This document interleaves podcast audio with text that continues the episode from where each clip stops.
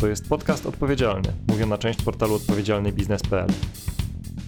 Działamy na rzecz zrównoważonego rozwoju, inspirujemy biznes, który zmienia świat, łączymy ludzi, którzy zmieniają biznes. Dzień dobry Państwu, witam w podcaście Diversity Talks. Nazywam się Marzena Szczelczak, a dziś moimi gościniami są Brygida Grysiak, redaktorka do spraw standardów i dobrych praktyk dziennikarskich, zastępczyni redaktora naczelnego TVN24 TVN Warner Bros. Discovery. Dzień dobry. Oraz Katarzyna Gaweł-Brudkiewicz, liderka programu Equal Voice i szefowa komunikacji wewnętrznej w Rinier Axel Springer Polska. Dzień dobry. Bardzo mi miło, bardzo dziękuję za przyjęcie tego e, zaproszenia do rozmowy poświęconej równemu traktowaniu diversity, equity, inclusion w przestrzeni publicznej. Pomówimy na ten temat w kontekście nowego projektu Formy Odpowiedzialnego Biznesu. Temat projektu, który dotyczy właśnie branży kreatywnej i który to projekt połączył nas e, z Raspem i z TVN Warner Bros. Discovery. Zacznijmy od tego, co stało się impulsem do y, myślenia w FOBie, w karcie różnorodności o branży kreatywnej w kontekście DEI.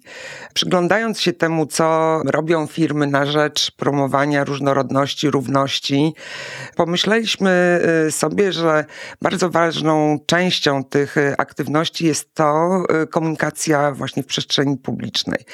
I tak dość powszechnie przyjmuje się, że za jakość tego dyskursu odpowiadają politycy w dużej mierze i za to umacnianie stereotypów. Natomiast no, pomyśleliśmy, że warto też popatrzeć na to, co widzimy w reklamach. Jak reklamy odnoszą się do tego, co chcielibyśmy zmienić, a więc mówiąc krótko, odejść od takiego stereotypowego patrzenia na role społeczne i temu właśnie jest poświęcony projekt Diversity in Czech Creative. I zacznijmy może od tego, na początek takie pytanie. Jak myślicie, dlaczego taka narracja dominuje w przestrzeni publicznej, mimo że są badania, które pokazują, że zmienia się w społeczeństwie podejście do różnorodności, jest otwartość na inne przedstawienie kobiet, mężczyzn, grup mniejszościowych? Ja myślę, że to nie jest proste w ogóle, tak? To jest coś, mhm. z czym się mierzymy w życiu codziennym, tak? Najpierw, a potem myślimy, co jeszcze moglibyśmy zrobić, żeby w tej przestrzeni publicznej, w debacie publicznej, czy szerzej, tak jak pani mówi, te szanse i te proporcje wyrównywać, tak? E, myślę, że to jest wielopokoleniowa historia i nie wiem, czy to jest to miejsce i ten czas, żebyśmy o tym trochę podyskutowały. To jest kwestia, w jakim społeczeństwie, w jakich rodzinach e, dorastaliśmy, e, jak uczone były dziewczynki, jak, jak chłopcy, postrzegania świata, postrzegania siebie nawzajem, swoich ról. A teraz myślę, że jest czas takiej bardzo świadomej, powiedziałabym nawet punktowej pracy nad tym, żeby ten obraz bardziej oddawał rzeczywistość, bo ta rzeczywistość jest po prostu wypaczona, ona jest nieprawdziwa. To znaczy, mhm. spotkałam się z taką opinią w jednej z rozmów na temat naszego Diversity Tracker i tej e, bazy, o której będziemy dzisiaj mówić, mhm. ekspertek Nie czekam 107 lat, e, przy której pracujemy razem z RASPem. Przecież u mnie w domu, mówi mężczyzna, przecież u mnie w domu i w moim życiu rządzą kobiety. Ja mówię, znakomicie, to przenieśmy to do debaty publicznej. Ja nie mówię, że tej debacie jest bardzo źle, mhm ale na pewno jest tak, że, że jest ogromna przestrzeń do rozwoju i do naszej wspólnej troski. Kasiu, jakiś pomysł, czemu tak się dzieje, skoro społeczeństwo się zmienia, jesteśmy świadkami tych przemian kulturowych? Edukacja. Zdecydowanie Edukacja. zgadzam mhm. się y, z Brygidą, że to jest kwestia edukacji i mi się na przykład wydaje, że ja mam bardzo partnerski związek, naprawdę. I mhm. wydaje mi się, że jesteśmy takim role model dla naszych dzieci. Co nie zmienia faktu, że jednak przy stereotypowych mhm. Y, traktowanych stereotypowo sprawach typu macierzyństwo, okazuje się, że jak ja rozpoczynam rozmowę z partnerem, gdybyśmy chcieli mieć kolejne dziecko, to kto zostanie w domu? Zdziwienie. I, I on mówi, no dobrze, to ja wezmę te, nie wiem, dwa tygodnie, czy teraz już mhm. dziewięć tygodni mm. urlopu tacierzyńskiego. Ja mówię, tak, ale dla mnie to byłaby już trzecia przerwa i to roczna w pracy. W związku z tym, jak ty sobie to wyobrażasz? I on mówi do mnie, rok bez pracy? Że ja się okażę niepotrzebny. Mhm. Ja mówię, no właśnie. I w momencie, kiedy to słyszy, to sobie uświadamia. Mhm. Więc niesamowite jest to, że naprawdę to nie jest czyjaś niechęć, to nie jest kwestia niechęci, czy czasem okej, okay, jest to, nie wiem, brak odwagi kobiet, nieświadomość mężczyzn, ale ja coraz częściej widzę, bo my często rozmawiamy między kobietami, ale ja coraz częściej widzę, jak ważne jest uświadamianie mężczyzn, właśnie w zakresie stereotypowego myślenia, które jest u nich totalnie nieuświadomione.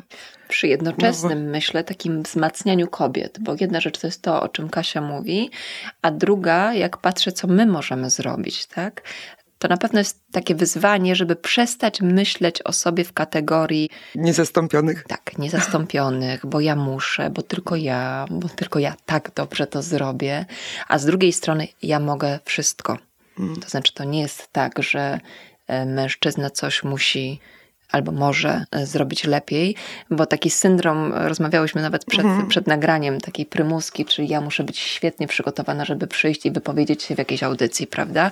Znaczy, żebyśmy trochę mhm. mocniej wierzyły w siebie i w to, że drzemie w nas naprawdę ogromny, ogromny potencjał. Tak, i zdecydowanie to wzmacnianie mężczyzn, jakby dawanie im też przestrzeni do tego, że oni mogą, że nic się nie stanie, jak zaopiekują się małym dzieckiem albo dużym.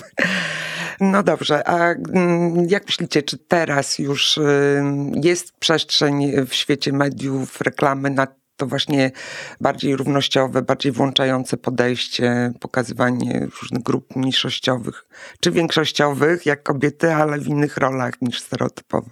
Ja znowu zacznę od tej edukacji, bo mm. przestrzeń na to jest, ale trzeba o tym rozmawiać. I stąd, no ja jestem, ja się zajmuję komunikacją wewnętrzną, natomiast z wykształcenia jestem e, finansistką i ja kocham liczby za to, że na danych konkretnych e, tutaj jest już konkretna dyskusja. To znaczy, to nie jest przerzucanie się argumentami, Emocje. piszemy z, z, punk z punktu widzenia kobiet, czy korzystamy z głosu kobiet ekspertek, tylko ja mogę przyjść z danymi, które same w sobie nic nie zmienią, żeby było mm. jasne, ale one pozwalają usiąść do stołu i powiedzieć, słuchajcie, zastanówmy się. Zastanówmy się, na, tak jak powiedziała Bergida, punktowo, czyli nad konkretnym artykułem, nad konkretnym zdjęciem, jak moglibyśmy pokazać coś innego, bo tak naprawdę to nie chodzi tylko i wyłącznie o to, żeby to było 50 na 50% treści, mhm. czy kobiet, ekspertek, czy mężczyzn, bo tak naprawdę liczy się no, ekspert czy ekspertka, a nie, to, mhm. nie, a nie płeć. Natomiast y, ten content, który my pokazujemy, też powinien być odpowiednio jakościowy. I to faktycznie pozwala nam usiąść do stołu ze wszystkimi redakcjami, czy punktowo z poszczególnymi redakcjami i przyjrzeć się treściom, w jaki mhm. sposób one są prezentowane. Chciałaby Pani jeszcze coś dodać? Pewnie będziemy o tym jeszcze mhm. mówić, ale to jest właściwie klucz, bo mhm. żeby móc podejmować takie wyzwania, to my musimy pracować na danych. I tak też my doszliśmy do tego kilka lat temu, w 2019 roku, że znaczy nie jesteśmy zainteresowani taką dyskusją na temat jednego czy drugiego programu, bo to skandal, mhm. bo to sami faceci i tak dalej. Mhm. Znaczy to jest, to jest oczywiście ważne, bo to są mhm. takie punkty, od których się zaczyna dyskusja. Natomiast chcieliśmy mieć dane, znaczy zobaczyć liczby, zobaczyć gdzie jesteśmy, gdzie chcielibyśmy być i jak to zrobić. No właśnie, to tutaj do dotykamy tego, jak, y, jak wasze organizacje pracują z tym tematem i może właśnie zacznijmy od Diversity Trackera. To jest taki twór, który mm. dzisiaj się ładnie nazywa, a wtedy był po prostu pomysłem, systemem, który mm. stworzyliśmy wspólnymi siłami w redakcji, bo to trzeba było też ubrać w, te wszystkie kwestie, na których ja się kompletnie nie znam, czyli IT, żebyśmy umieli to, umieli to wszystko policzyć i mhm. zmierzyć, żeby po prostu liczyć. Czyli liczymy, patrzymy, jaki procent naszych gości pojawiających się w programach na żywo w TVN24 to kobiety, y, jaki procent to mężczyźni. I okazało się, że, że wtedy było słabo, znaczy dla nas to było słabo, to było około 20-25%, tak? No byliśmy przerażeni, bo nam się wydaje, chociaż dzisiaj już wiem, że z perspektywy światowej to wcale no, nie jest źle, to jest średnia światowa no, niestety. Dokładnie. Natomiast wtedy nie miałam tej mhm. świadomości. I przeraziłam się na tyle, że powiedziałam, że zabieramy się do pracy, to znaczy spotykaliśmy się, rozmawialiśmy o tym, dlaczego tak jest.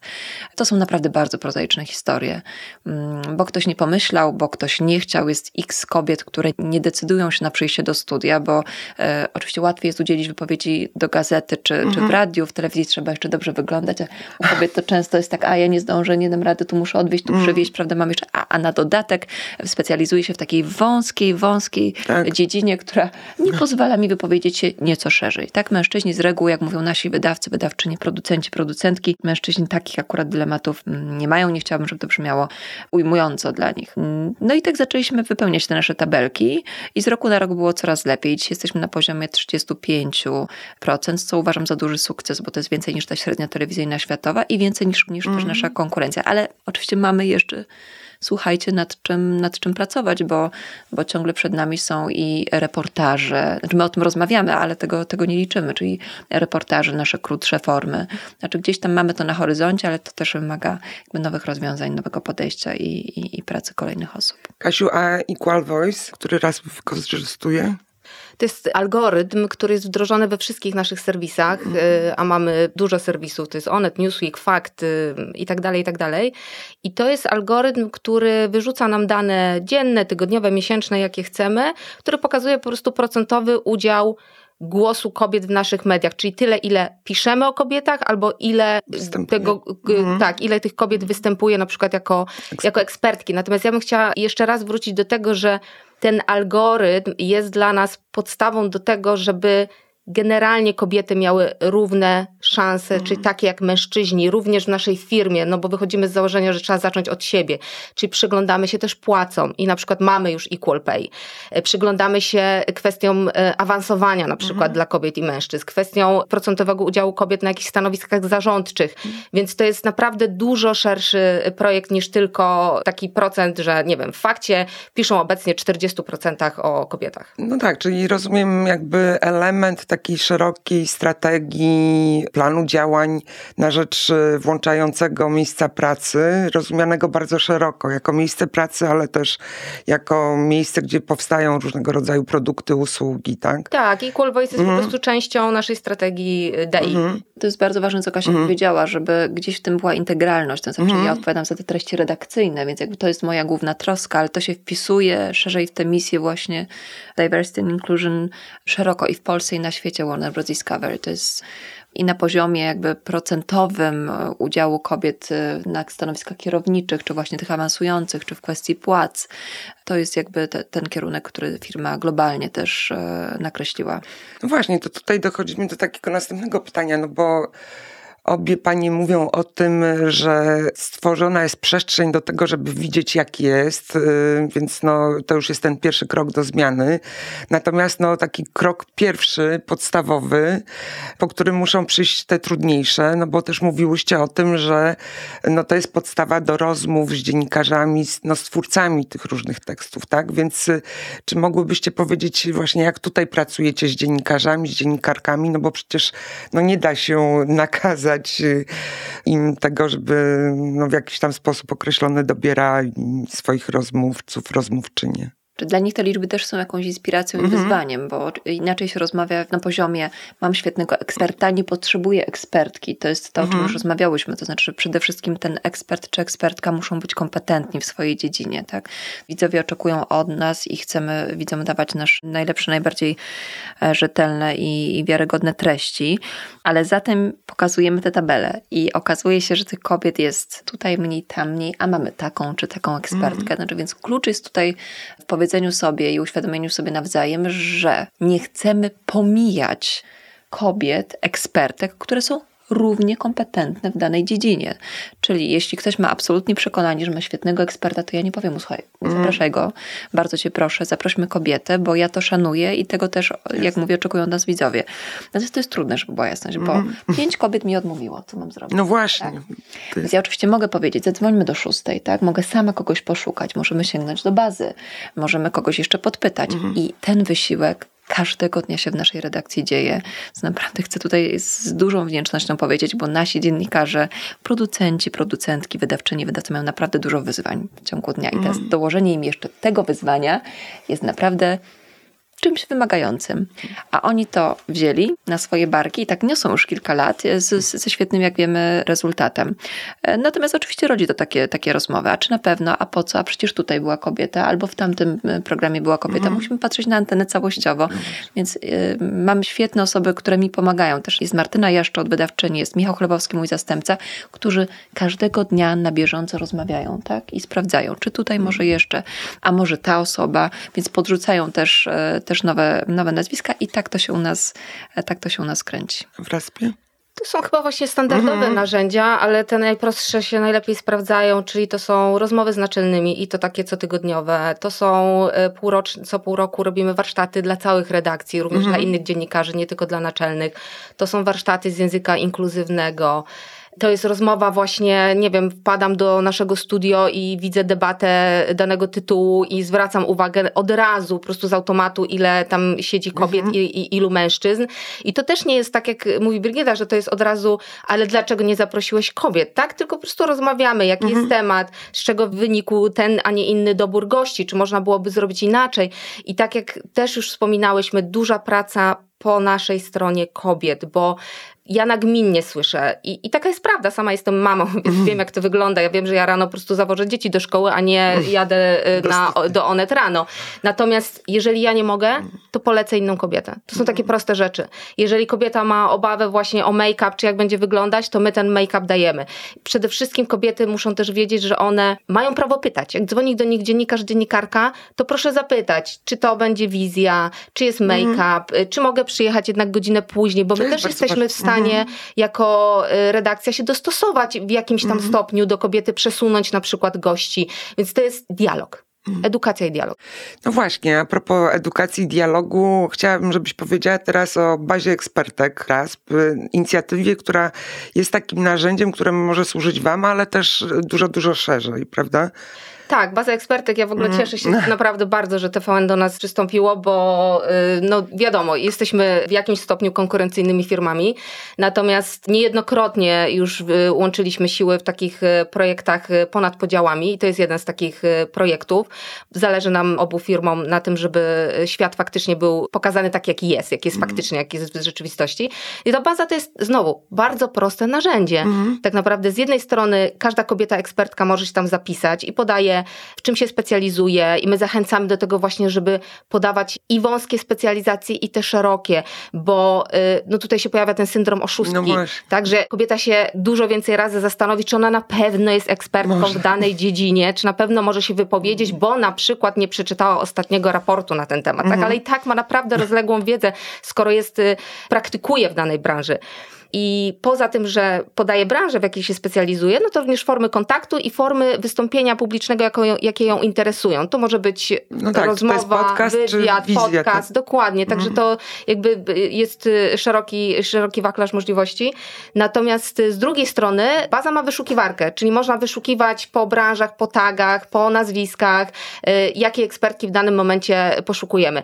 Ponieważ jest to, i to też chcę podkreślić, jednak projekt społeczny, to nie jest jakieś bardzo zaawansowane technologiczne narzędzie, więc my cały czas chcemy tą bazę udoskonalać, więc jeżeli widzimy, że tam brakuje jakiejś branży, jakiegoś tagu, jakiejś opcji wyszukiwania, bo wyszukiwarka tak naprawdę jest najważniejsza, no to oczywiście staramy się taką opcję wprowadzać. I ja jeszcze raz podkreślę, cieszę się, że TVN dołączył, mam nadzieję, że dołączą inne media, bo tutaj nie ma lepszych i gorszych. Tu mamy jeden wspólny cel. No właśnie, czyli, bo następne pytanie moje było o współpracy mediów na rzecz właśnie różnorodności, równości, włączania, ale jeszcze cofnijmy się e, krok, bo chciałam się spytać, y, no jak konkretnie można się zarejestrować w tej bazie dla tych wszystkich, którzy nas słuchają? Ona jest już na tyle rozpoznawalna, że wystarczy po prostu w Google wyszukiwarce wpisać e, baza ekspertek i pierwszy link, jaki wyskoczy, to jest właśnie baza ekspertek Nie czekam 107 lat. A Nie czekam 107 może wyjaśnię, bo to nie, No nie wszyscy pewnie słuchacze, Wiedzą. słuchaczki wiedzą. Natomiast e, Global Gender Gap Re- Report e, z 2020 roku mówił o tym, że potrzeba 107 lat, żeby kobiety miały ten sam status społeczno-ekonomiczny. Teraz jest to już 132 lata, więc widzimy, że wszystkie Pandemia, kryzysy, nie tylko pandemia, ale wojna, kryzys gospodarczy pogłębiają tę nierówność, bo niestety w czasach takich niepewności, tak samo jak prywatnie, jak i zawodowo, jakby Kobiety płacą. tak, natomiast my się po prostu nieświadomie cofamy do takich znajomych, bezpiecznych zachowań, bo wtedy właśnie szukamy poczucia bezpieczeństwa, więc wchodzimy w te jakby stare, stare ścieżki i, i nie myślimy tak przyszłościowo. To prawda. Bo my bardzo lubimy Mhm. strefę komfortu, myślę. I ta baza i te wszystkie projekty, myślę, że są trochę o tym. To znaczy, żeby e, zadać sobie taki trud dla dobra wspólnego i wyjść świadomie z tej strefy komfortu. Wiadomo, że jesteśmy przywiązani do swojego obrazu świata, do tego, jak my ten świat współtworzymy. I tak jak słyszę właśnie, a w moim świecie to rządzą kobiety, świetnie, ale spójrz trochę szerzej. Znaczy, zobacz, które, gdzie, Czy inni to widzą? czy inni to widzą. Tak, więc myślę, że to jest trochę o tym. I tak sobie myślę, co jest jeszcze ważne, żeby zachęcić inne redakcje, inne osoby do włączania się w ten projekt, ale w ogóle w szerzej, e, w ten projekt Diversity, bo on jest e, jeszcze o czymś innym. To znaczy, on ma gdzieś nad sobą zawieszone pytanie o to, w jakim świecie chcemy, żeby żyły nasze dzieci. I to nie jest tylko o kobietach. I my w TVN24 jesteśmy do tej myśli bardzo przywiązani. I kiedy przyszła propozycja od Was, żeby się włączyć w ten projekt, to my też już wtedy na to patrzyliśmy szerzej. Wokół takich spraw, w tak wymagających czasach, po prostu trzeba łączyć siły. I to diversity jest o mniejszościach seksualnych, jest o innych narodowościach, e, jest o kryzysach psychicznych, które są naszą pandemią de facto, która ciągle trwa i to też powinna być nasza wspólna troska, żeby ci ludzie się w żaden sposób, w żadnym momencie w tej debacie publicznej nie czuli wykluczeni. Więc te kobiety, bo czasami jeszcze jest taki argument i on jest, on, słuchajcie, i on ma i on jest słuszny, ja go rozumiem. Mamy tyle wyzwań, słuchajcie, tu wojna, tutaj kryzys finansowy, a my się będziemy kobietami zajmować i będziemy te kobiety teraz liczyć, Mm. tak? Ja mówię, no będziemy je liczyć, bo to jest ten maleńki wycinek rzeczywistości, które jeśli nie zostanie też przez nas jakoś naprawiony, to te inne też nie będą. To znaczy musimy po kolei się tymi kwestiami świadomie zajmować, szczególnie w tych mediach, które mają naprawdę dużą moc. Tak. I duże zasięgi. Dlatego my, poza tym, że się liczymy w tej kwestii, to mamy swoje polityki redakcyjne dotyczące i osób w kryzysie. I zresztą dzięki Piotrkowi Jaconiowi to, to, to chcę powiedzieć, bo jesteśmy też przed premierą antenową kolejnego jego reportażu. Pracujemy nad tym, żebyśmy wszyscy, bo też mówię o sobie i naszych koleżankach i kolegach redakcyjnych, zrozumieli, na czym polega transpłciowość i dramat tych ludzi. To też jest diversity and inclusion. Więc bardzo świadomie kolejnymi reportażami, kolejnymi materiałami, spotkaniami redakcyjnymi, bo to też wymaga wewnętrznej debaty. Mam takie poczucie, że idzie, a nawet pewność, że idziemy tak powoli, powoli, powoli do przodu i fantastycznie by było, gdybyśmy w tych wszystkich sprawach mieli taką grupę wsparcia, tak, e, wspólną, medialną. Właśnie, Kasiu, to, y, czyli baza ekspertek jest otwarta dla wszystkich mediów, które chcą się włączyć, tak? Nie tylko mediów, nawet Mhm, powiem no szerzej, bo, tak, bo z tej bazy mogą korzystać również firmy, które organizują wydarzenia publiczne, konferencje, debaty, panele dyskusyjne. Tak naprawdę jest bezpłatna, otwarta dla wszystkich ekspertek, dla wszystkich firm, nie tylko mediowych, więc każdy może z niej skorzystać. Mhm. A czy myśleliście o tym, no bo powiedziałeś, że jest to projekt mm, społecznie prowadzony, pro bono, o tym, o jakiejś takiej współpracy też na przykład z, z firmami, dla których ten temat jest ważny, które chciałyby się włączyć w rozbudowanie tej bazy, Rozmawiamy, rozmawiamy teraz na przykład z bankami, y, które chciały stworzyć taką bazę swoją i stwierdziły, że wolą No jednak? No przystąpić właśnie. do nas. Na szczęście. Y, Natomiast my nie chcemy go komercjalizować, ale też z drugiej strony, bo no jednak jesteśmy też firmą, która chce zarabiać, tak? Więc jakby bazy na pewno nie będziemy komercjalizować, to jest na 100%, tylko na to wyzwanie pokazywania tej prawdziwej rzeczywistości, my też patrzymy z pozycji, zresztą jak każdy projekt, purpose and profit, czyli cel jest jakby, y, znamy go, ale to też się monetyzuje, to znaczy my mamy większe zasięgi dzięki temu, że pokazujemy szerszą perspektywę. Więc y, to nie jest tak, że to nie wpływa również pozytywnie na nasz biznes, żeby było jasne. Zdecydowanie. Ja myślę, że to nie tylko chodzi o zasięgi, ale też o takie, no nie wiem, lojalność waszych odbiorczyń, odbiorców. To, że działacie na rzecz czegoś, co jest ważną wartością dla wielu. Tak, i, i tak samo jak y, są firmy, które organizują wydarzenia publiczne, to ja już słyszę takie głosy na przykład, że kobiety nie chcą przyjmować zaproszeń na wystąpienia czy panele, gdzie jest, jesteśmy jedyną na przykład y, kobietą, tak? W związku z tym patrzmy też na to, że to po prostu już nie wypada zapraszać tylko i wyłącznie jedną płeć. I, i my kobiety też tutaj bardzo dużo się zmienia, co mnie bardzo cieszy, bo kiedyś mówiło się o tym stereotypie, że nie mamy e, tego sisterhood, że się nie wspieramy nawzajem. Tu się ogromnie dużo zmieniło, co mnie niezmiernie cieszy, że my właśnie wspieramy się nawzajem i mówimy nie, nie przyjdę, ponieważ jestem jedyną kobietą i z jednej strony można powiedzieć, dobrze, no to jedyna to może przedstawi świat z naszej perspektywy, ale z drugiej strony ona po prostu nie chce być widziana jako jedyna y, na takim wydarzeniu i, i ja się z tego bardzo cieszę. Jakby zmierzając do końca już e, w tej naszej rozmowie, chciałam też e, tutaj słuchaczom, słuchaczkom powiedzieć o, o tym projekcie, który uruchamiamy. To projekt, który realizujemy wspólnie z Sarem, który ma służyć e, zmierzeniu właśnie równości, różnorodności, włączania w branży kreatywnej, no, która jest, może być rozumiana bardzo szeroko, ale na początek w tym pilotażu chcemy się skupić na agencjach reklamowych, PR, Zaczniemy ten pilotaż w pierwszej połowie roku. Mam nadzieję, że różnego rodzaju agencje tutaj przystąpią y, do tego badania i dzięki temu będą wiedziały, w jaki sposób, y, co mogą zmienić, żeby ich miejsce pracy było bardziej włączające, ale też, żeby produkty i usługi, które tworzą, bardziej służyły tej zmianie, której wszyscy potrzebujemy. Bardzo chciałam Wam podziękować za włączenie się do tego projektu. No i nie wiem, na koniec już czego Wam życzyć, a może jeszcze coś chcecie dodać do tego, co zostało powiedziane? Chciałam przedstawić pewne dane, bo mm-hmm. było takie badanie ostatnio 30% y, Club Poland. Mm-hmm. Badanie Niech nas usłyszą, głos kobiet w korporacjach. To było badanie przeprowadzone w 2022 roku i na 140 największych spółkach giełdowych.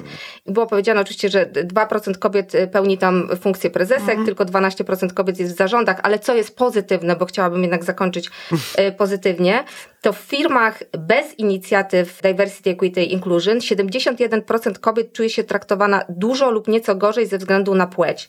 Na przykład, ale w firmach, które te inicjatywy mają, jest to już tylko 47%. Więc to naprawdę Ma działa. Mm. I Naprawdę, y, nie czekajmy 107 lat, nie czekajmy 132 mm. lat, zróbmy to dla naszych dzieci, nie tylko córek, ale również synów, Dokładnie. żebyśmy żyli w naprawdę równym świecie. Ja myślę, żebyśmy życzyli też sobie wzajemnie takiej cierpliwości i konsekwencji, bo właściwie każdego dnia wstrząsają nam jakieś historie, które. Straszne. Tak, e, albo straszne, albo naprawdę wielkiej wagi, i, i to jako też dziennikarze informacyjni na bieżąco relacjonujemy, i to oczywiście zabiera nam, wiecie, dużo energii, naszej troski, zaangażowania, żebyśmy w tym nie zgubili tej, tej, tej historii dotyczącej różnorodności. I żebyśmy, zaczynając też od naszych domów, ale przez nasze spotkania redakcyjne, znaczy wszędzie, gdzie jesteśmy, myślę, że dystrybuowali taką, taką to wiadomość, że to nie jest żadna feministyczna fanaberia. Znaczy, tak, to, jest, to jest dla nas. To jest dla nas wszystkich i że ta różnorodność jest tak naprawdę o każdej właściwie dziedzinie naszego życia. I, i to powinna być nasza troska, bo świat, który nie jest różnorodny, jest też światem uboższym. Znaczy, gdzieś tam na koniec dnia to po prostu jest wypaczenie świata, w którym żyjemy. Mnie, jako dziennikarce informacyjnej, zależy na tym, żeby pokazywać świat takim, jakim on jest i pomagać go ludziom zrozumieć. Bez różnorodności nie ma szans, bo i debata jest uboższa, i obraz, który widzicie w telewizji jest, jest mniej ciekawy. Więc żeby to była nasza wspólna troska i żeby w tej trosce nam nie zabrakło konsekwencji. Tak sobie myślę. Czyli spokój i konsekwencja i edukacja, powiem y, y, więcej, i edukacja również technologii, bo to mnie ostatnio mm. bardzo mocno y, uderzyło. To są niby rzeczy oczywiste, ale ktoś na konferencji ostatnio podawał, a nie, to była Anabela Basel, która w ogóle wymyśliła ten Equal Voice algorytm i ona powiedziała, że zadała czatowi GPT pytanie, co kupić na prezent dziewięcioletniej dziewczynce. I on odpowiedział książkę kucharską, lalkę wow. Barbie i jakiś tam domek. No tak kto stworzy. Dokładnie. Co kupić chłopcu? Mm. Telefon komórkowy, laptopa i coś tam mm. jeszcze. I proszę mi wierzyć, że te dzieci były i ta dziewczynka i ten chłopczyk byli głęboko rozczarowani tą odpowiedzią. Więc wśród dzieci nie ma poczucia różnic pomiędzy płciami, ale już w technologii, z której już którą korzystamy, tworzy... którą tworzą ludzie, jest. W związku z tym edukacja, edukacja, edukacja. Bardzo dziękuję za rozmowę i takie super podsumowanie na koniec. Dziękuję bardzo. Bardzo dziękujemy. dziękujemy. To jest podcast odpowiedzialny, mówiona część portalu odpowiedzialnybiznes.pl. Działamy na rzecz zrównoważonego rozwoju, inspirujemy biznes, który zmienia świat, łączymy ludzi, którzy zmieniają biznes. To wszystko na naszych podcastach dostępnych na stronie odpowiedzialnybiznes.pl ukośnik podcast oraz w serwisach SoundCloud, Spotify, Google Podcast, YouTube oraz poprzez kanał RSS.